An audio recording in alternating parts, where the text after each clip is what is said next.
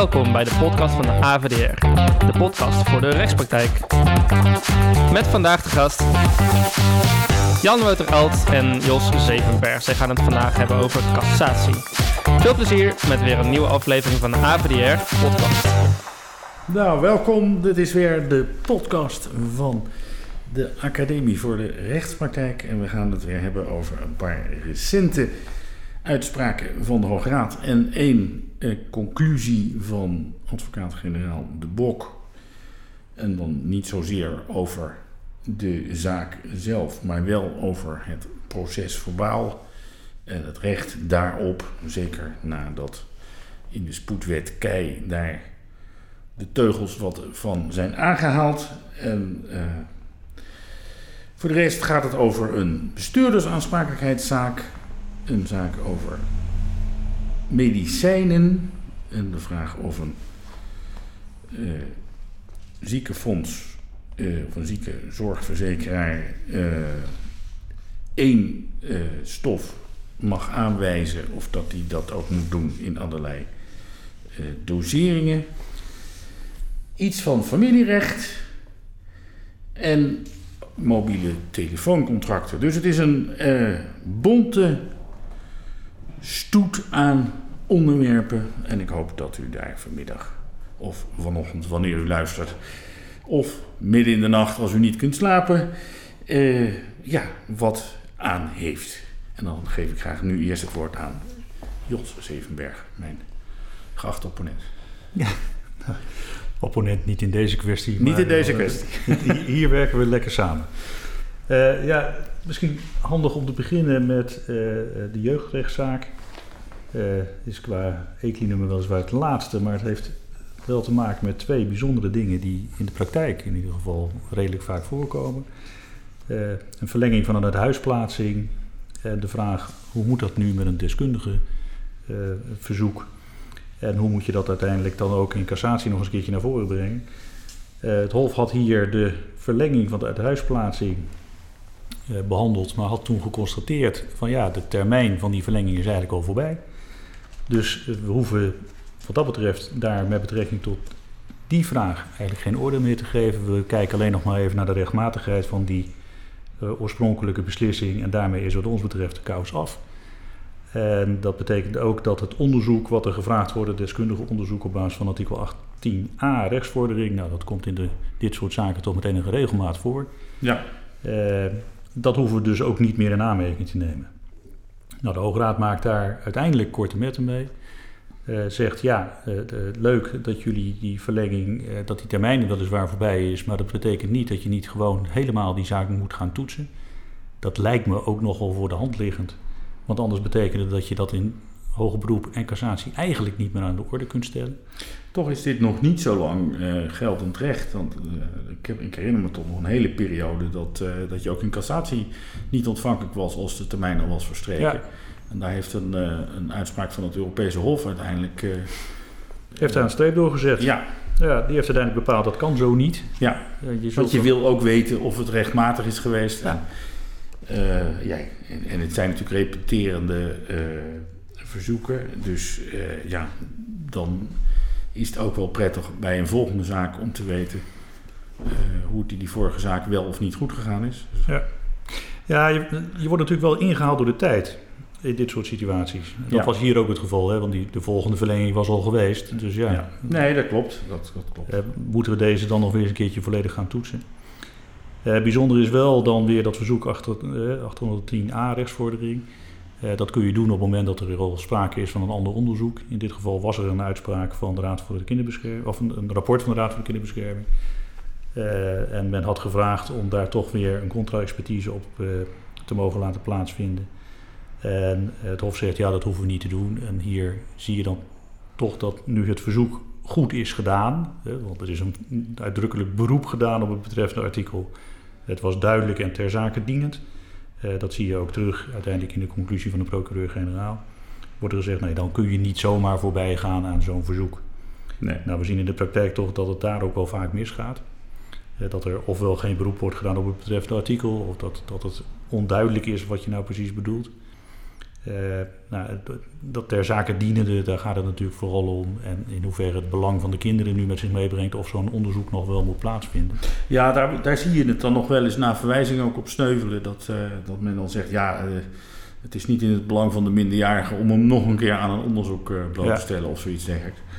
Ja. En, maar het is een fundamenteel recht van een ouder om een contra-expertise te vragen. En gelet op de hele recente discussie die we in de media en op LinkedIn en alles voorbij zien komen over uh, ja, uh, de, het al dan niet doen aan waarheidsvinding van, uh, van dit soort instellingen, kan ik me het belang van zo'n onderzoek wel voorstellen. Ja, dat, ja, er, er, wordt denk ik te weinig aandacht aan besteed. überhaupt door, door advocaten die met dit soort zaken te maken hebben. Uh, in ieder geval de zaken die wij zien, is dat, dat er ja, wel een verzoek wordt gedaan, maar dan onvoldoende duidelijk wordt gemaakt wat nou precies de bedoeling is van het onderzoek. Uh, je hebt trouwens geen onderzoek van de raad nodig. Hè, want het, het, is geen contra-expertise in de zin als er geen onderzoek van de raad is, dan kan het niet. Hm. Uh, het kan altijd, maar je moet het wel goed doen. Ja, je moet het goed doen. En, en dan mag het Hof natuurlijk niet zeggen van ja, ik acht mij voldoende voorgelicht, zoals nee. ik als een keer ga. Want dat is niet het criterium. Nee. Dat is niet een in zoverre wijkt het dan ook weer af van een normaal uh, deskundige bericht. Want als je dat voorstelt, dan hoeft de rechter dat niet uh, te accepteren. Nee. En anders dan bij een getuigenvoor. Hè, jouw kantoorgenoot Klaas Aantjes heeft daar volgens mij nog een mooi artikel over in het advocatenblad geschreven. dat een, een bewijsaanbod moet je accepteren, als dat ter zake dienend is en voldoende gespecificeerd, dan moet de rechter dat opvolgen. Maar een, deskundige bericht mag hij naast zich neerleggen met de mededeling dat hij zich voldoende voorgelicht acht. Nou, Dat geldt dat dan dus weer niet voor 810a. Nee, omdat het toch een hele speciale regeling is, een hele aparte regeling met betrekking tot die contra-expertise. Ja, ja. En het getuigenvoor daar even op inhakend, dan zien we toch, nou ja, dat zul jij ook zien in de praktijk, het heel vaak misgaan, omdat uh, uit het verre verleden wij allemaal dachten van, ach, als we maar gewoon algemeen bewijs aanbieden, dan komt het wel goed. Ja, en uh, de, nou ja, dat is al heel lang geleden uh, bepaald dat op het moment dat je het zeker in een hoger beroep niet heel gespecificeerd doet en duidelijk maakt waar het zit, ja, dat men er aan voorbij mag gaan. Ja, nee, ik. Uh...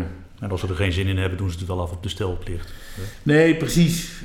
dat, en, en nou vind ik het in zoverre het familierecht en stelplicht en bewijslast nog veel lastiger uh, omdat je toch in bepaalde zaken verwacht dat uh, die stelplicht en die wijslast, uh, ja, laten we zeggen, de norm zijn voor het vaststellen van alimentatie bijvoorbeeld, hè, behoeften en, en, en draagkracht en dat, dat soort dingen.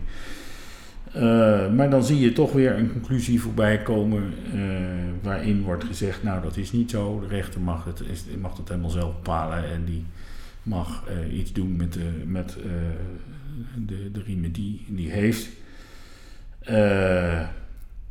en ja, dat vind, ik, dat, dat, dat vind ik toch lastig, zeker als het om, zoals het in die, in die zaak ging, om een, om een behoorlijk hoge alimentatie 23.000 euro per maand bruto. Hm. En als dat dan inderdaad wordt afgedaan op een uh, behoeftelijstje, uh, wat ter zitting behandeld wordt en waar uh, verweer opgevoerd wordt en wat verder niet is onderbouwd, ja, dan, ja, ik, ik heb daar wat moeite mee. Maar goed, dat, zo werkt het kennelijk in het familierecht. Anders had de Hoge Raad daar wel een streep door gezet. Ja. Ehm, ja, goed. En dat, dat, dat geldt natuurlijk ook een beetje bij, bij dit soort zaken. Hè. Je hebt dan een, eh, een ouder, die, ouder A die roept X en een ouder B roept Y. En de raad die uh, schrijft een, een, heel dik pakket en, zegt dan dat je op pagina 35 staat dan uh, het antwoord op de vraag van de rechter of zoiets. En, en daar moet de rechter dan maar chocola van maken. Nou ja, goed, die, die, die doet dat dan zo goed mogelijk. En eh, dan uh, gaat men daarvan in appel en dan, uh, ja, dan moeten de appelrechten weer daardoorheen. En ik kan me heel goed voorstellen dat dat, dat, dat voor alle betrokkenen toch best, best, best lastig is. Dus gelet op die recente discussie vind ik het.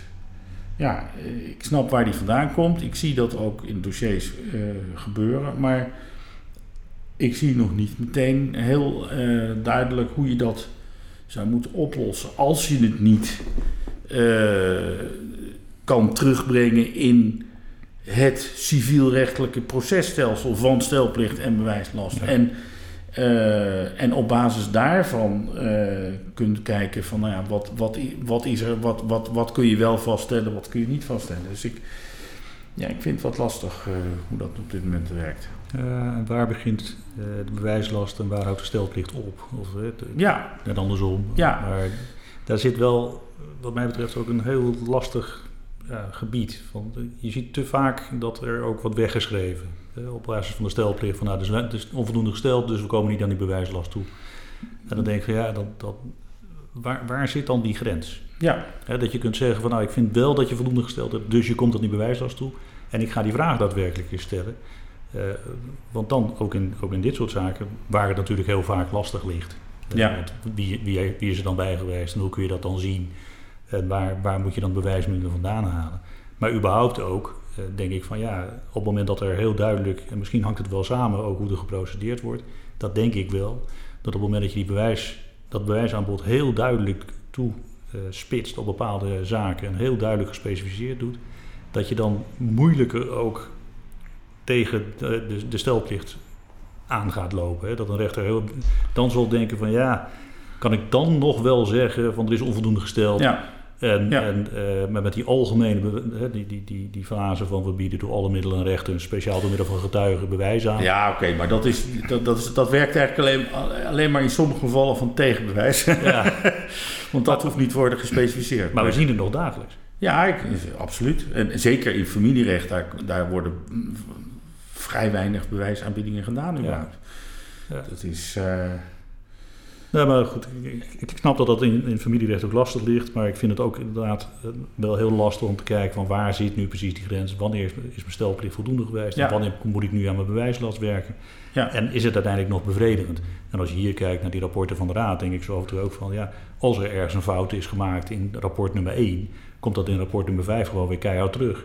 ja, En ga dan maar eens een keertje zorgen dat het anders komt. ja. Nee, dat was, eh, er had een kansje geweest dat er een, eh, een afgelopen vrijdag een uitspraak was gedaan over de vraag eh, schoning van dossiers.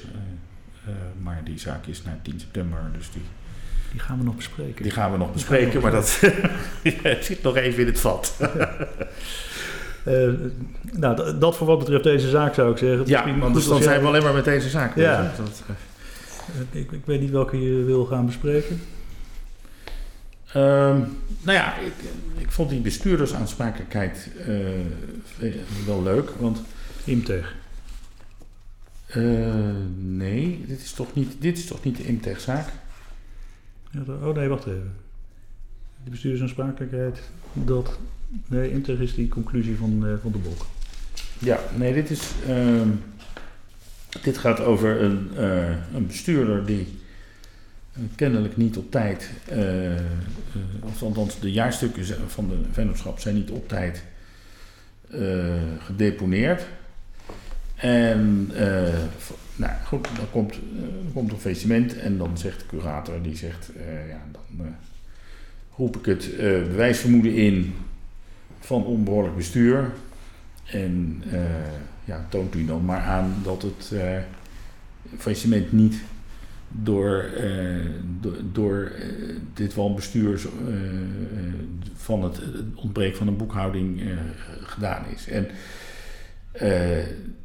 de bestuurder in kwestie had, zo begrijp ik althans de uitspraak,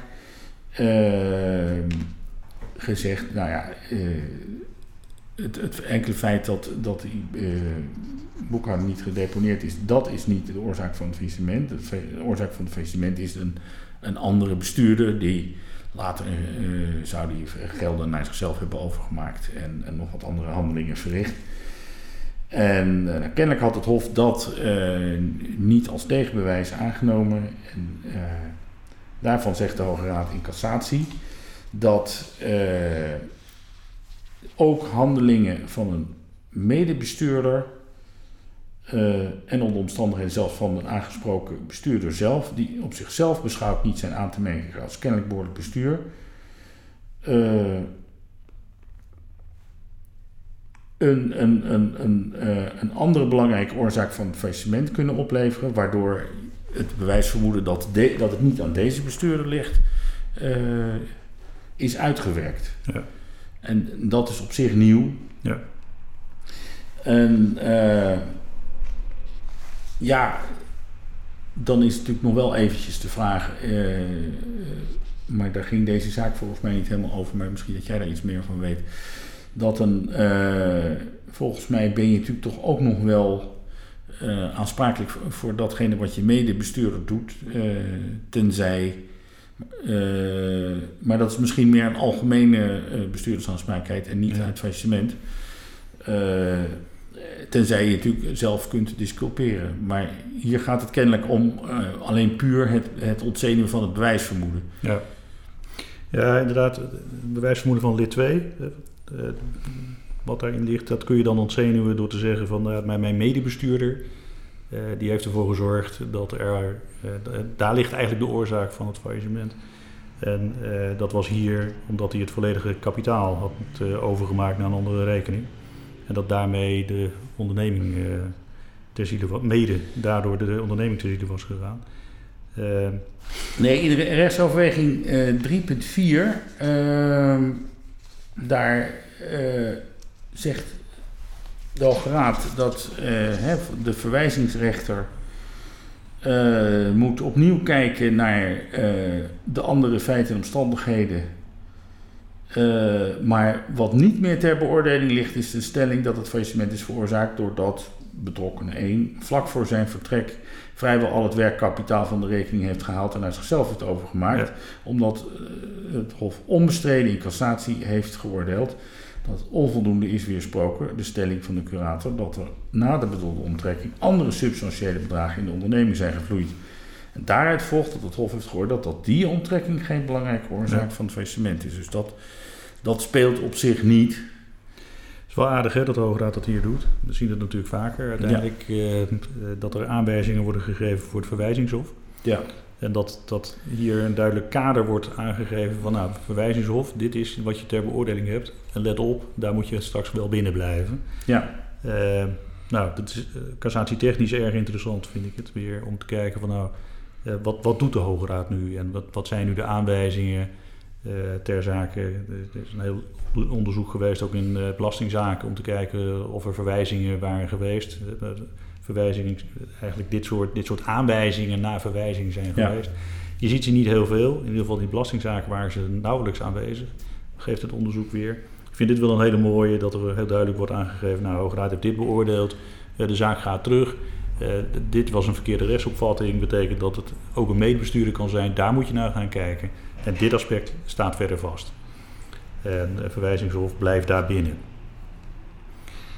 Uh, maar een leuke zaak, uh, uiteindelijk is het inderdaad nieuw, want het betekent dat, er, dat een mede, het handelen van een medebestuurder in ieder geval, en dat, dat is inderdaad anders, want het werd gezien als collectief en dat dat niet zou Ja. kunnen. Ja. Dus je kon niet naar een medebestuurder wijzen als oorzaak van het faillissement, een belangrijke oorzaak van het faillissement, en nu kan dat dus wel.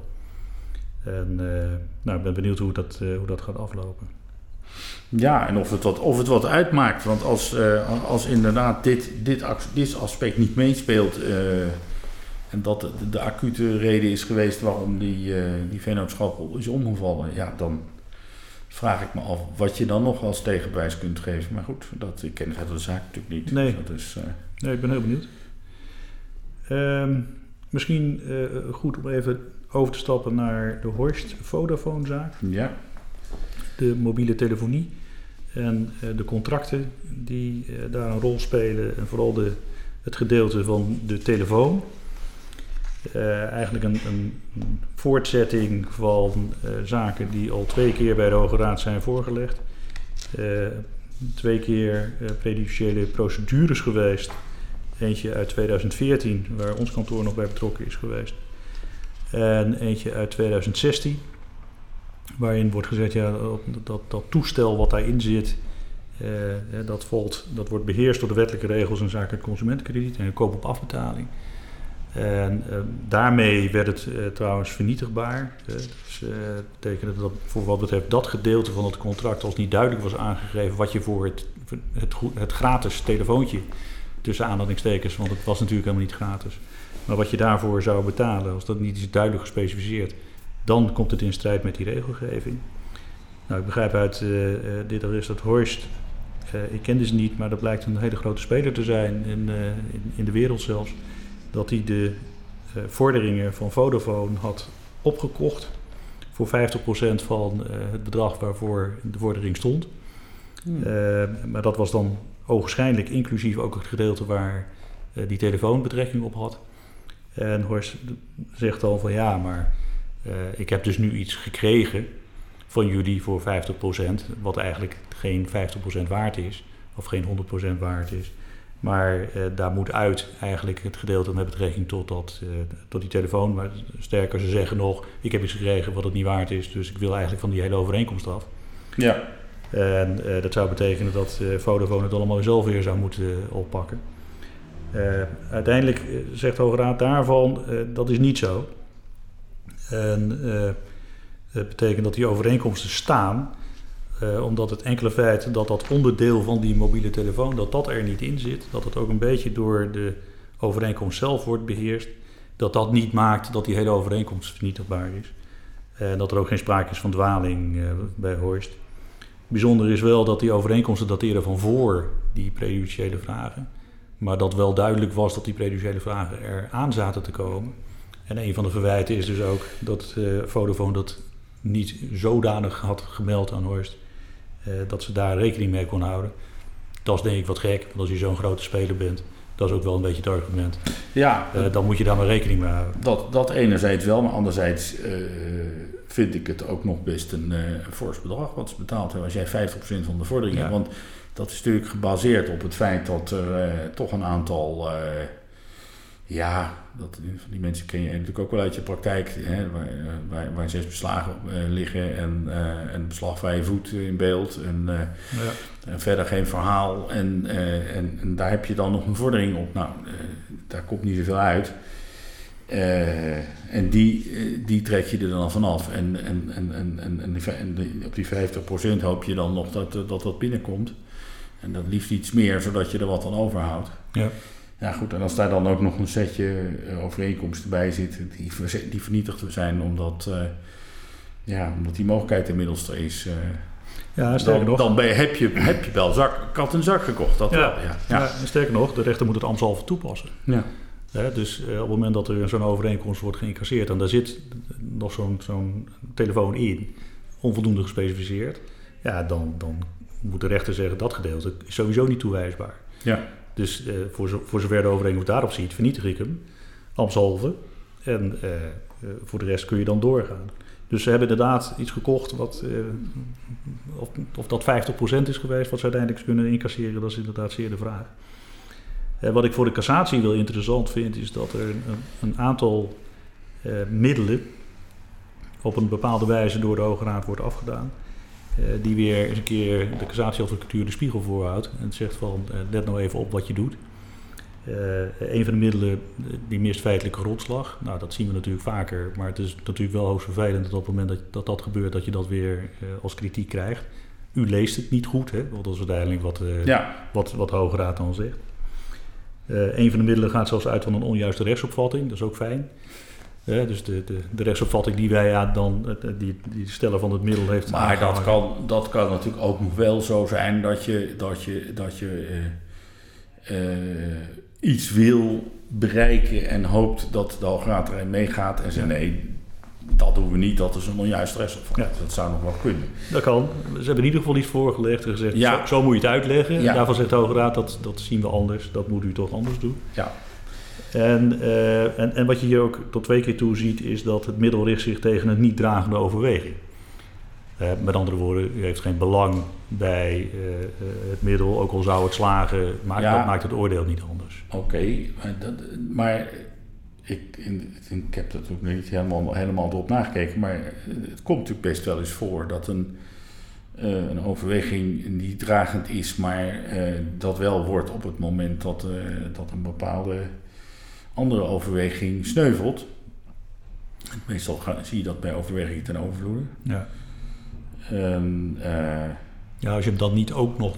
Dan moet je hem wel hebben, want anders dan heb je, heb je überhaupt geen belang bij je cassatieberoep. Dus Nee, dat klopt. Dat op het moment dat je de primaire eh, dragende overweging eh, niet aantast eh, en, de, en de, eh, of dat, dat, dat dat slaagt, maar je hebt de, de secundaire niet dragende overweging niet aangetast, eh, dan, dan val je no- alsnog in die kuil. Dus dat, eh, dat heb ik, zo heb ik het ook niet bezien hoor. Of nee, dat, eh, precies. Maar dat, Maar het is wel opvallend dat ze dat tot twee keer toe in deze zaak dan weer doen. Ik vind het ook opvallend dat ze dat de- de- de- met meerdere middelen in deze zaak eh, eh, beschrijven. Eh, nou, je, nou ja, je, je ziet hoe er mee omgegaan wordt. En het is voor de praktijk in ieder geval wel van belang, denk ik, dat we onthouden van let op, kijk wat de feitelijke grondslag is. En probeer daar eh, je middelen op te eh, baseren. Het probleem daarbij is dat, dat hebben we natuurlijk ook gehoord, dan krijgen we die primair, subsidiair, meer subsidiair nog Ja. meer subsidiair middelen. ja. Eh, voor zover dan het arrest moet worden uitgelegd als dit. En krijgen we de kritiek van de Hoge Raad die zeggen... ja, je moet niet zo enorme lange middelen gaan schrijven met allerlei, allerlei mogelijkheden. Hou het nu zo kort mogelijk. Ja, nou ja, goed. Kijk, en, je moet natuurlijk niet vergeten dat waarschijnlijk zo'n zaak als dit eh, bij een negatieve conclusie eh, met 81 zou zijn afgedaan. Maar de, hier eh, is een eh, positieve conclusie. Ja.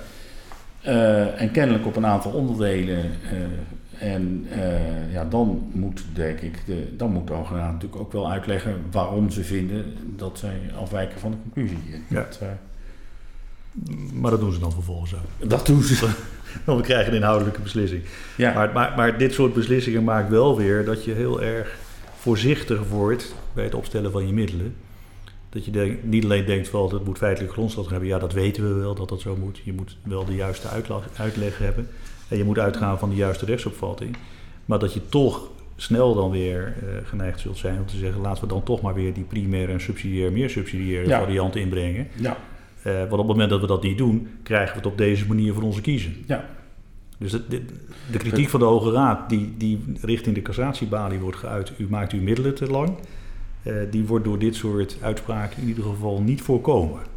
Nee, ook, en, en, en, eh, en, en ook niet zoals wat, wat we in de, in de, in de vorige overweging zien, dat er dan gezegd wordt, nou ja, deze, hier moet je van uitgaan dat eh, eh, bij, bij de verwijzing eh, in cassatie niet bestreden is dat en dat en dat en dat. Ja. Hè, dat we hebben natuurlijk een tijd lang hebben we, ja, op, op die bijeenkomst gehoord van ja, we willen eigenlijk de golden bullet en je moet eh, één middel met alleen de kern en de kernklacht. Eh, maar dat gaat natuurlijk niet op eh, hè, op het moment dat er bepaalde onderdelen zijn die, eh, die, een- die, die een schakel vormen. En dan zul je toch, mits dat mogelijk is, al die dingen moeten aanvallen. Want anders Ja. dan lees je inderdaad in zo'n uitspraak dat, dat, dat dit naar verwijzing vaststaat. En dat geldt dus ook voor als een, als een klacht ja, niet of onvoldoende is aangevoerd. Bijvoorbeeld eh, dat je denkt van, nou ja goed, het, eh, hè, de- als deze klacht slaagt, dan rolt alles om. Ja. Maar dan slaagt hij niet. dan, En dan rolt vervolgens niets meer op. dan rolt er niks om. Nee, Ja. dus dat is... eh, Oké. Even kijken, we hadden nog oh, de mensenzaak. Hè? Ja. Ik weet weer heel veel meer van, van, van medicijnen na het bespreken van, of na het lezen van deze uitspraak. Terwijl het simpelweg gaat over vitamine D. Ja, dat je gewoon bij de, Bij- bij de drogisterij op de hoek ook kunt kopen. En dat is nou precies waarom ze eh, de teugels kennelijk wat aangescherpt hebben om het nog via de eh, apotheek te doen.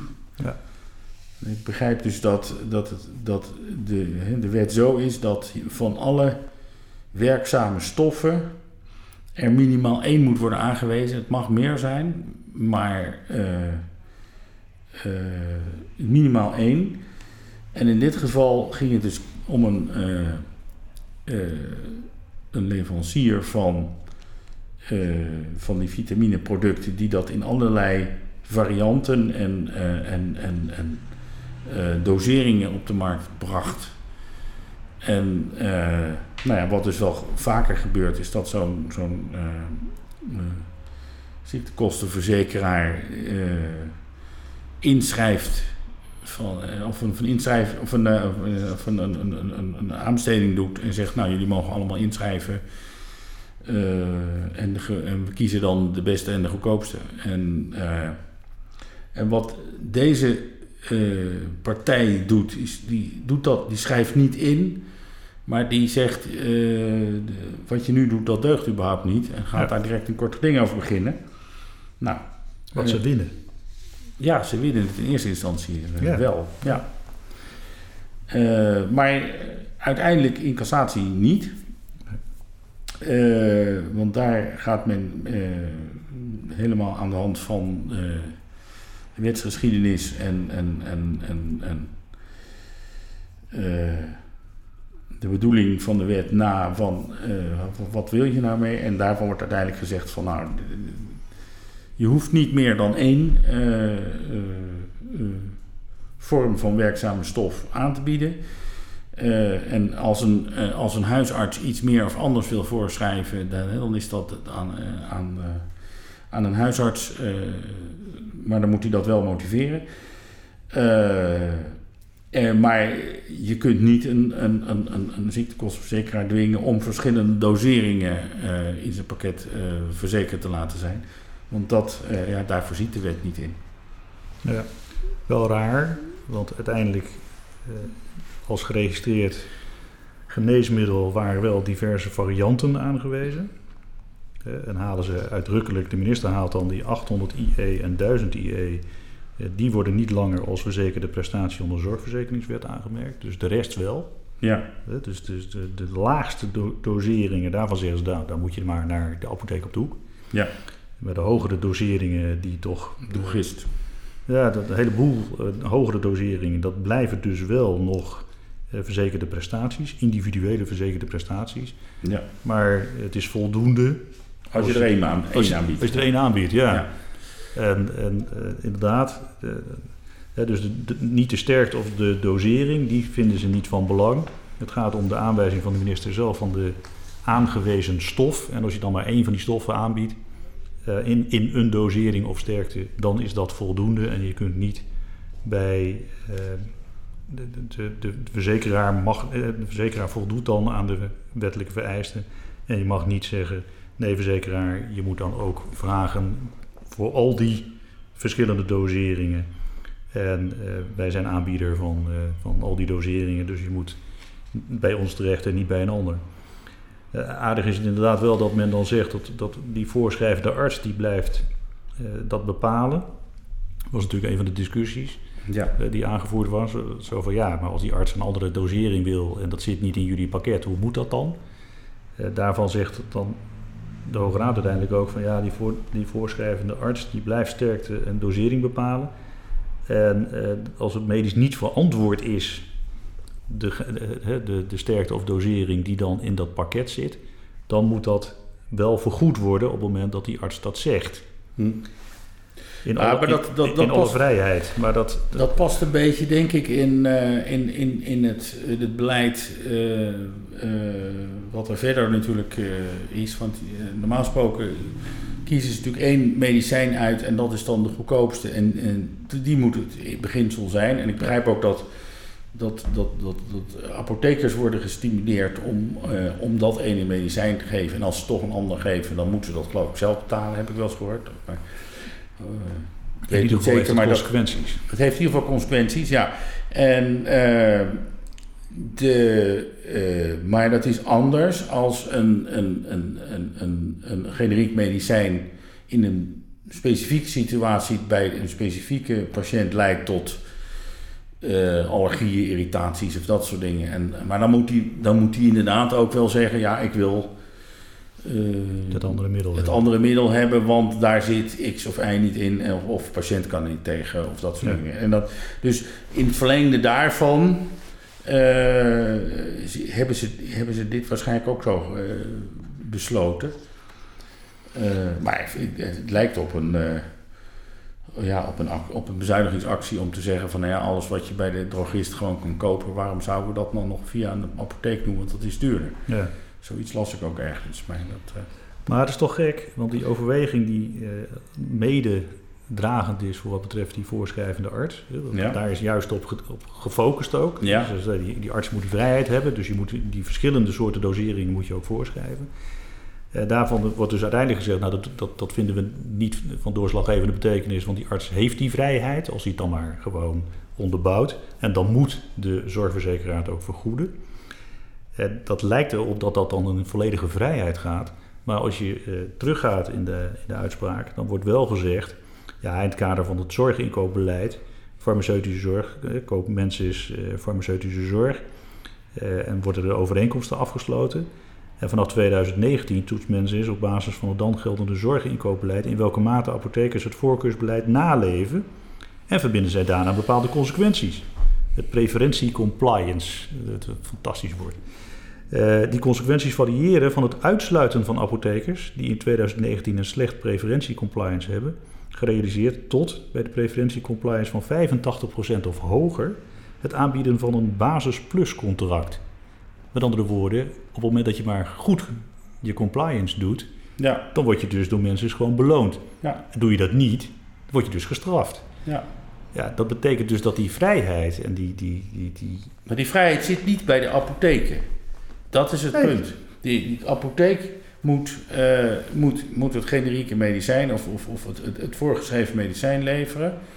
Eh, en, en, en, en daarom zeg ik, ik heb wel, wel, wel eens gehoord dat, dat iemand dan een, eh, dat zo'n apotheek dat het eigen zak moet betalen als die een ander, ander merk voorschrijft. En eh, dat vond ik toen nogal ver gaan. Maar goed, eh, ja, dat zijn zo van die. eh, van, en op die manier proberen ze natuurlijk die kosten in, in, in, in bedwang te houden. Maar. Nou ja, de, de- de uitspraak geeft niet weer in hoeverre dan die, die, die arts die iets anders voorschrijft en dat onderbouwt, of dat dan ook nog voldoende compliant is om voor dat basis plus contract in aanmerking te komen. Het zou heel gek zijn als het niet zo zou zijn, maar ik, ik vroeg me dat wel af toen ik het nou, las. ik, ik, Dat ik, dacht van, hé, hoe zit dat dan? Ja, ik zou, ik zou dan denken dat zo'n zo'n zo'n zo'n apotheek die een. eh, die, die, die, die, die een, een, zo'n zo'n voorschrift eh, eh, uitvoert of, of een, een een recept uitvoert, ja, dat, Die is compliant, ja, zou ik zeggen. ja, die kan daar niks aan doen. Die moet, er- Nee. Hij moet het in ieder geval vergoeden, wordt er gezegd. In ieder geval de verzekeraar moet het vergoeden en dus de apotheek moet het, eh, moet het aanbieden. Ja, maar het gaat voor mensen is goed. Hè? Dat loopt, het, eh, Ja. loopt het goed af en hun beleid wordt uiteindelijk door de Hoge Raad akkoord bevonden. En ze hoeven dus maar één stof aan te bieden en niet de diverse eh, sterktes. Ehm, even kijken, wat hadden we nog Nou, meer? We hadden nog de, de, de, de integzaak. eh, Oh, de gehoudenheid van het proces verbaal. ja, ja. Ja. Ja, die zaak zelf gaat over eh, een aantal commissarissen van, eh, van Integ die. Een beroepsaansprakelijkheidsverzekering. ja, de- de- die, eh, die worden aansprakelijk gesteld en daar wordt, worden allerlei procedures tegen gevoerd. En die willen kennelijk hun advocaatkosten vergoed krijgen daarvoor Ja. onder een verzekering. En die verzekering die heeft gezegd, nou ja, daar, daar, zien we niks in. We zien niks in die zaak of zo. Ik, ik, Nee, we, we hebben was dat niet zo? Nee, het, eh, uiteindelijk zeggen je moet niet bij ons zijn. Als je kijkt, eh, eh, die verzekering is opgebouwd uit een, een primaire regeling die bij AIG is ondergebracht voor 25 miljoen. En dan een excess eh, verzekering en die zit bij CNA, eh 15 miljoen. En nog een tweede excess bij Liberty, ook van 10 miljoen. En het aardige is, dan hebben ze nog een derde accessregeling bij Allianz. En die is ook 25 miljoen. Dus zijn, de, de, heren, de dames en heren zijn uiteindelijk voor eh, 75 miljoen verzekerd. Zo. En eh, ten gevolge van, van een akkefietje wat zich dan voordoet, volgens mij eh, met betrekking tot een mededeling over eh, Polen, eh, eh, daalt uiteindelijk dan ook de, eh, de aandelenkoers. Dan worden ze aansprakelijk voor gesteld. Ze zeggen je hebt dat onvoldoende in de hand gehouden. En dan komen er allerlei schikkingen met, deze, met deze verzekeringsmaatschappijen. En Imtech en AIG schikken gezamenlijk met VEB, de Vereniging uh, Effectenbelangen, dacht ik dat het zo heette. bezitters. In ieder geval bezitters, ja. Vereniging Effectenbezitters. Uh, en die schikken dan ieder voor een bijdrage van 12,5 miljoen. Oftewel in totaal die 25 miljoen. Maar AIG wil dan niet meedoen voor die andere 12,5. Dat moet Integ zelf doen. En dat, is ook, dat speelt ook wel een discussie. Want er wordt er gezegd, ja, daar zijn de commissarissen dan geen onderdeel van. Maar bij die tweede, er is nog een tweede schikking ook met, met deze verzekeringsmaatschappij, met CNA. En daar zijn de commissarissen dan weer wel onderdeel van. En de vraag is even, van, zitten ze dan wel aan het juiste, bij de juiste verzekeraar? En CNA zegt eigenlijk vrij simpel, ja, je moet niet bij ons zijn, je moet bij AIG zijn. En op het moment dat je daar een schikking hebt getroffen, ja, dan staan wij daar buiten. En dat, dat maakt uiteindelijk onderdeel uit van al deze procedures. Terwijl in eerste aanleg ook weer de vordering wel wordt toegewezen. Dat gaat bij het Hof dan verkeerd. En vervolgens gaan dan de commissarissen gaan naar de Hoge Raad. En nou, we moeten zien hoe het uitpakt, want dat ja. weten we natuurlijk nog niet. volgens mij was de conclusie dat er geen vernietiging hoeft plaats te vinden. Ik zit even snel te kijken. Maar volgens mij werden alle middelen verworpen. Ja, conclusie strekt tot verwerping van het primaire cassatieberoep. Dus, nou, dus, uh, dat geeft weinig hoop voor uh, de commissarissen. Maar van belang was hier natuurlijk wel wat de BOK uiteindelijk heeft uh, overwogen met betrekking tot artikel 90 rechtsvordering, de afgifte van het proces verbaal. Ja. Uh, waarbij uh, een onderscheid wordt gemaakt tussen de eerste periode voor en na invoering van 90 rechtsvordering. wanneer heb ik belang bij afgifte van een procesverbaal? Ja. En hoe snel moet dat er dan eigenlijk worden verstrekt? En dat is iets waar we in de praktijk ook vaak tegenaan lopen. We vragen het procesverbaal van de mondelinge behandeling op en hopen dan maar dat het snel komt. En uh, op het moment dat het niet snel komt, in ieder geval niet binnen de cassatietermijn, moeten we natuurlijk voorbehoud maken. Ja, ja.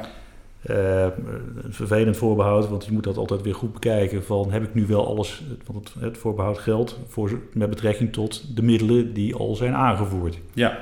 Op het moment dat het procesverbaal daar nog iets over zegt, mag je er nog iets van zeggen. Op het moment dat je constateert dat in het procesverbaal iets totaal anders staat, waarvan je dacht van dat had ik toch eigenlijk ook dan wel in een ander middel willen uh, omschrijven. Ik had het zelf laatst.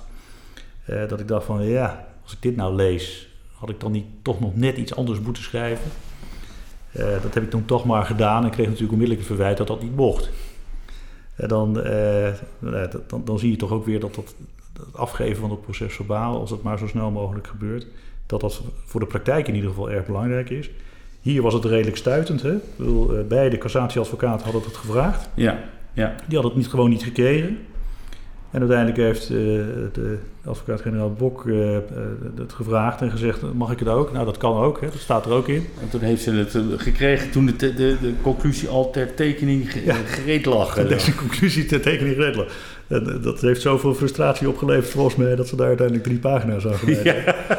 Dat gezegd: ik zal even duidelijk maken dat ik dit niet nog een keertje wil meemaken. Ja, ja en, want dat schrijft ze heel duidelijk. Ja.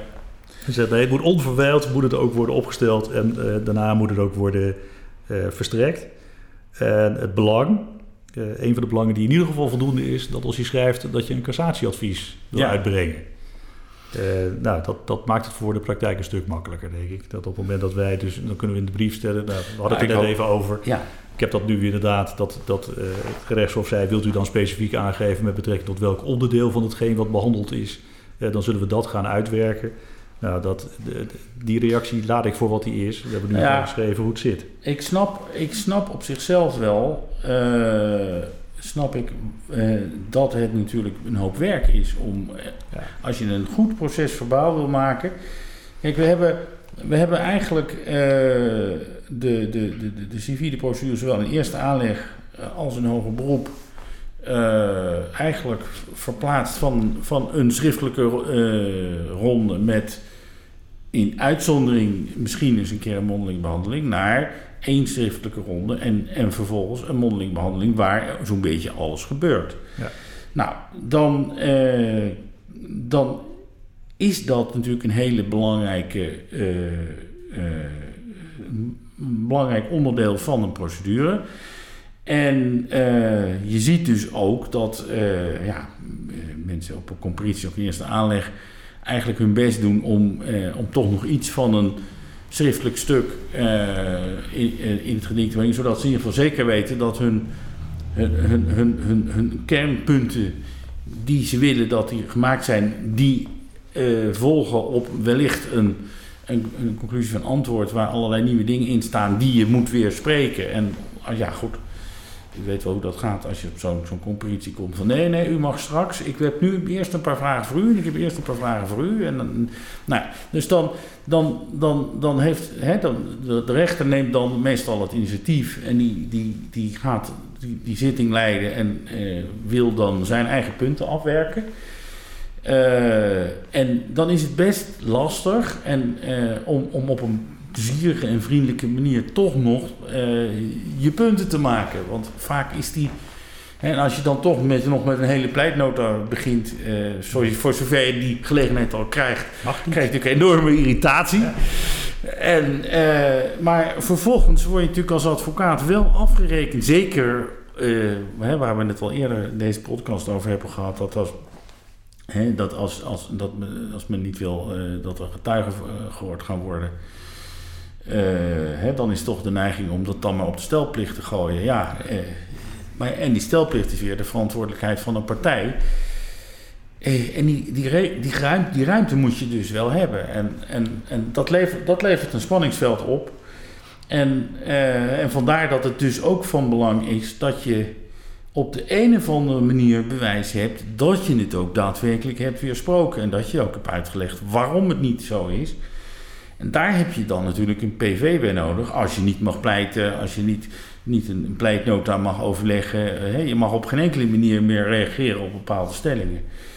Uh, ja, dan moet je wel zeker weten dat, dat, het, dat, het, uh, dat het goed zit. En ja, uh, niet zo gek veel van dat soort zittingen, maar ik heb in het verleden, toen ik dat nog wel deed, toch wel daar regelmatig aandacht voor gevraagd. En, nou, de ene rechter die, het liefst, die stond het dan wel toe, en de ander was daar moeilijk eens tegen. Ja, ja. ja, je krijgt natuurlijk in eerste aanleg, uh, het bevordert het niet. Hè? Ik bedoel, nee. uh, daar krijg je al die beruchte brief bij de uitnodiging voor de mondelinge behandeling. U mag niet pleiten. Nee. Pleitnota's worden niet toegelaten. U heeft maximaal 15 tot 20 minuten. En uh, daar, daar mag u de kernpunten nog eens gaan toelichten. Als je dan wordt afgerekend op je stelplicht, dan vind ik dat heel flauw. Ja. Uh, en waar leidt het dan toe? Dat leidt dan tot hoger beroep. Ja. Ik bedoel, dat, dat, dat is geen bevordering van een, een hele goede en uh, efficiënte rechtspraak. Wat je dan hier vervolgens weer ziet, trouwens, uh, want het gaat om kort geding in de eerste aanleg. Daarvan wordt het al gezegd, nou dat procesverbaal, dat hoef je niet op te maken. Hm. Dat mag je dan doen met aantekeningen. Maar ja, dan, dan moet je dus heel uitgebreid zijn in je grieven. Ja. Want dat kan dan niet anders. Maar ja, dan zit je weer met die 25 pagina's. Dan zit je straks weer met je beperking van uh, inderdaad de omvang van je processtukken. Ja. Uh, maar hier wordt dan wel gezegd, nou ja, het procesverbaal en hoger beroep, dat valt onder 90, dus dat moet worden opgemaakt.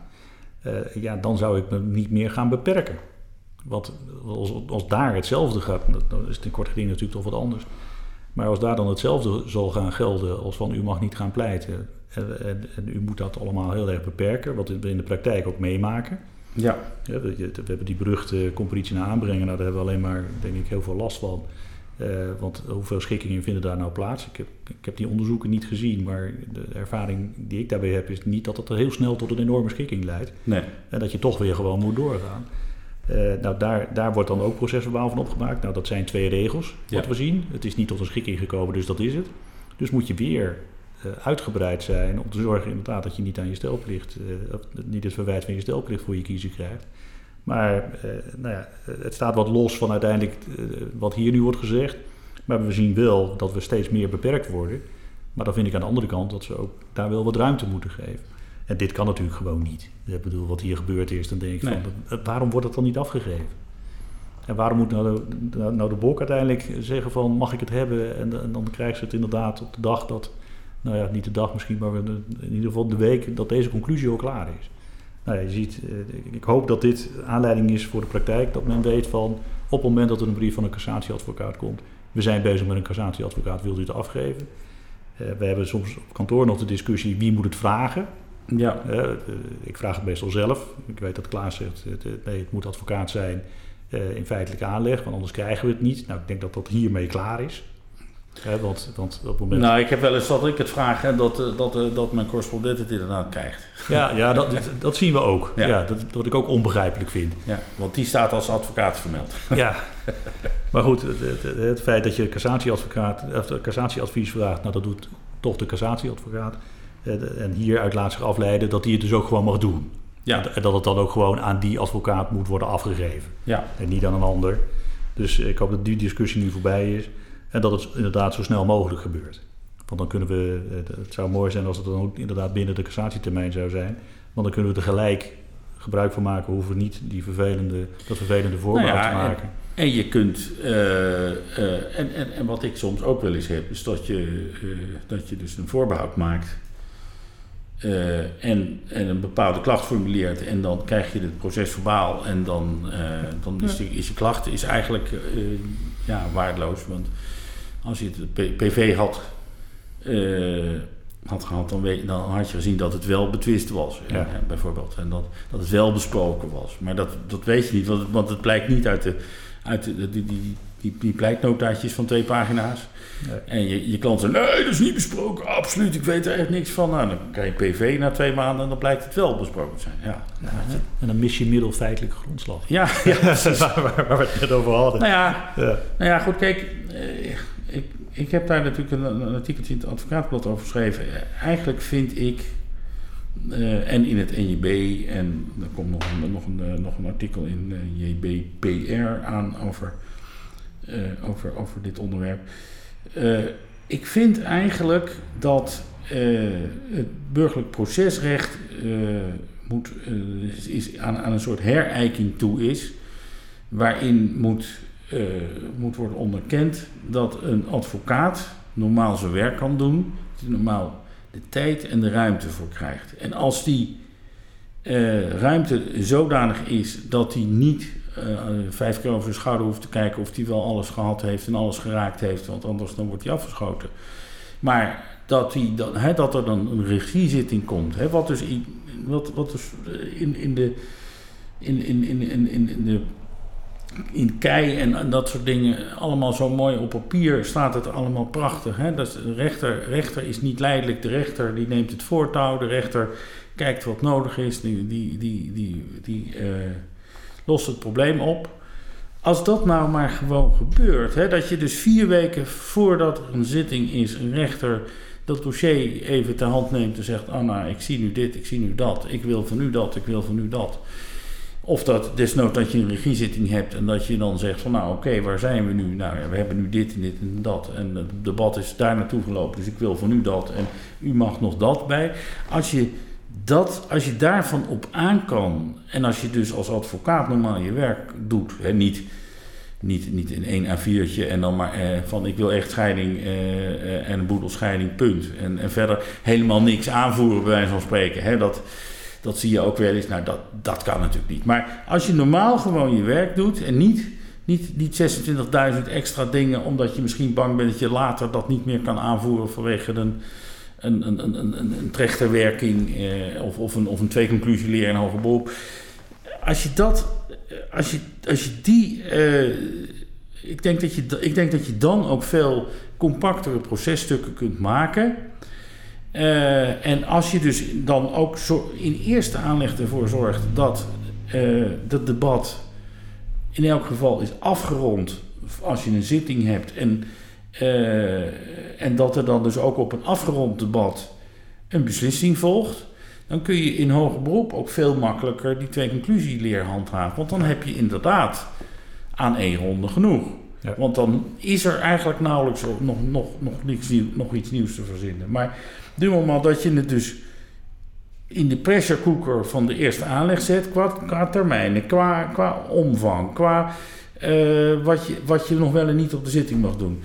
En nou, dan gaat dus de partij die daarmee uh, te ernstig in zijn wieg geschoten is, die gaat daarvan nog beroep. Want die, ja, die zeggen, ja, dit, is geen recht in Nederland. Je, je hoort de, de, de, burger op de straat zo zeggen. Zeker.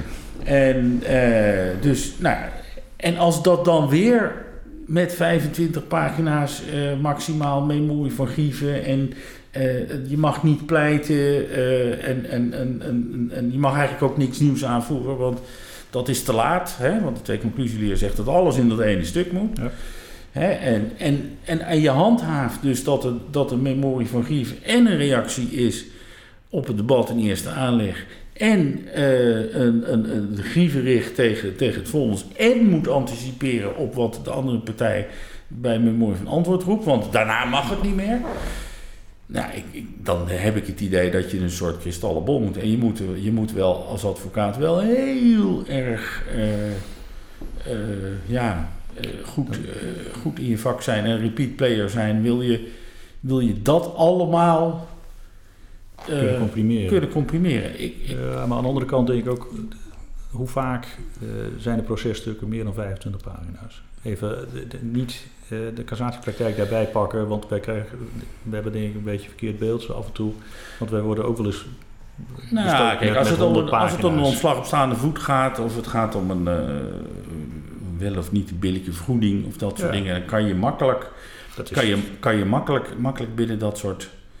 Maar, maar als het om een, om een bestuurdersaansprakelijkheidszaak ja, gaat, of, als een, of, of, of, eh, of een, een, een, een, nou ja, weet je wat wij in die familierechtszaken zien, Ja. waarbij eh, er, niet alleen natuurlijk een echtscheiding, maar je hebt alimentatie, kinderalimentatie, je hebt huwelijksvoorwaarden met verrekend dingen en kostenhuishouding en je hebt, nou, noem het maar op, eh, dat, dat tijdt verschrikkelijk uit. Dan zou je dat eigenlijk allemaal in stukjes moeten hakken. Ja.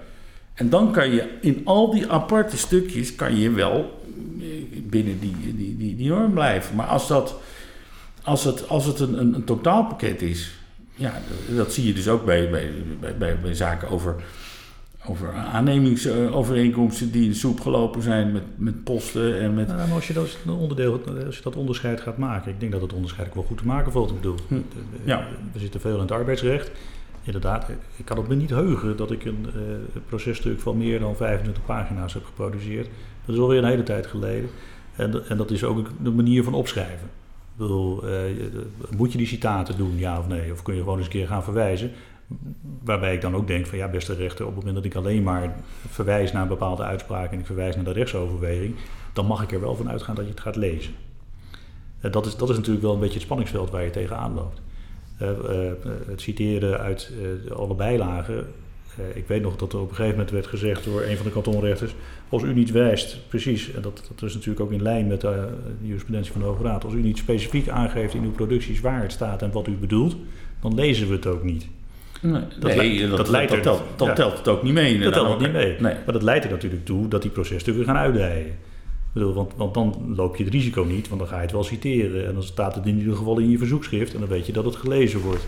En ik ga er stilzwijgend ook een beetje vanuit, het beeld wat ik ervan heb, is dat die rechters dan inderdaad het primaire stuk lezen en niet al die, al die bijlagen meer gaan lezen, want Ja. daar hebben ze gewoon geen tijd voor.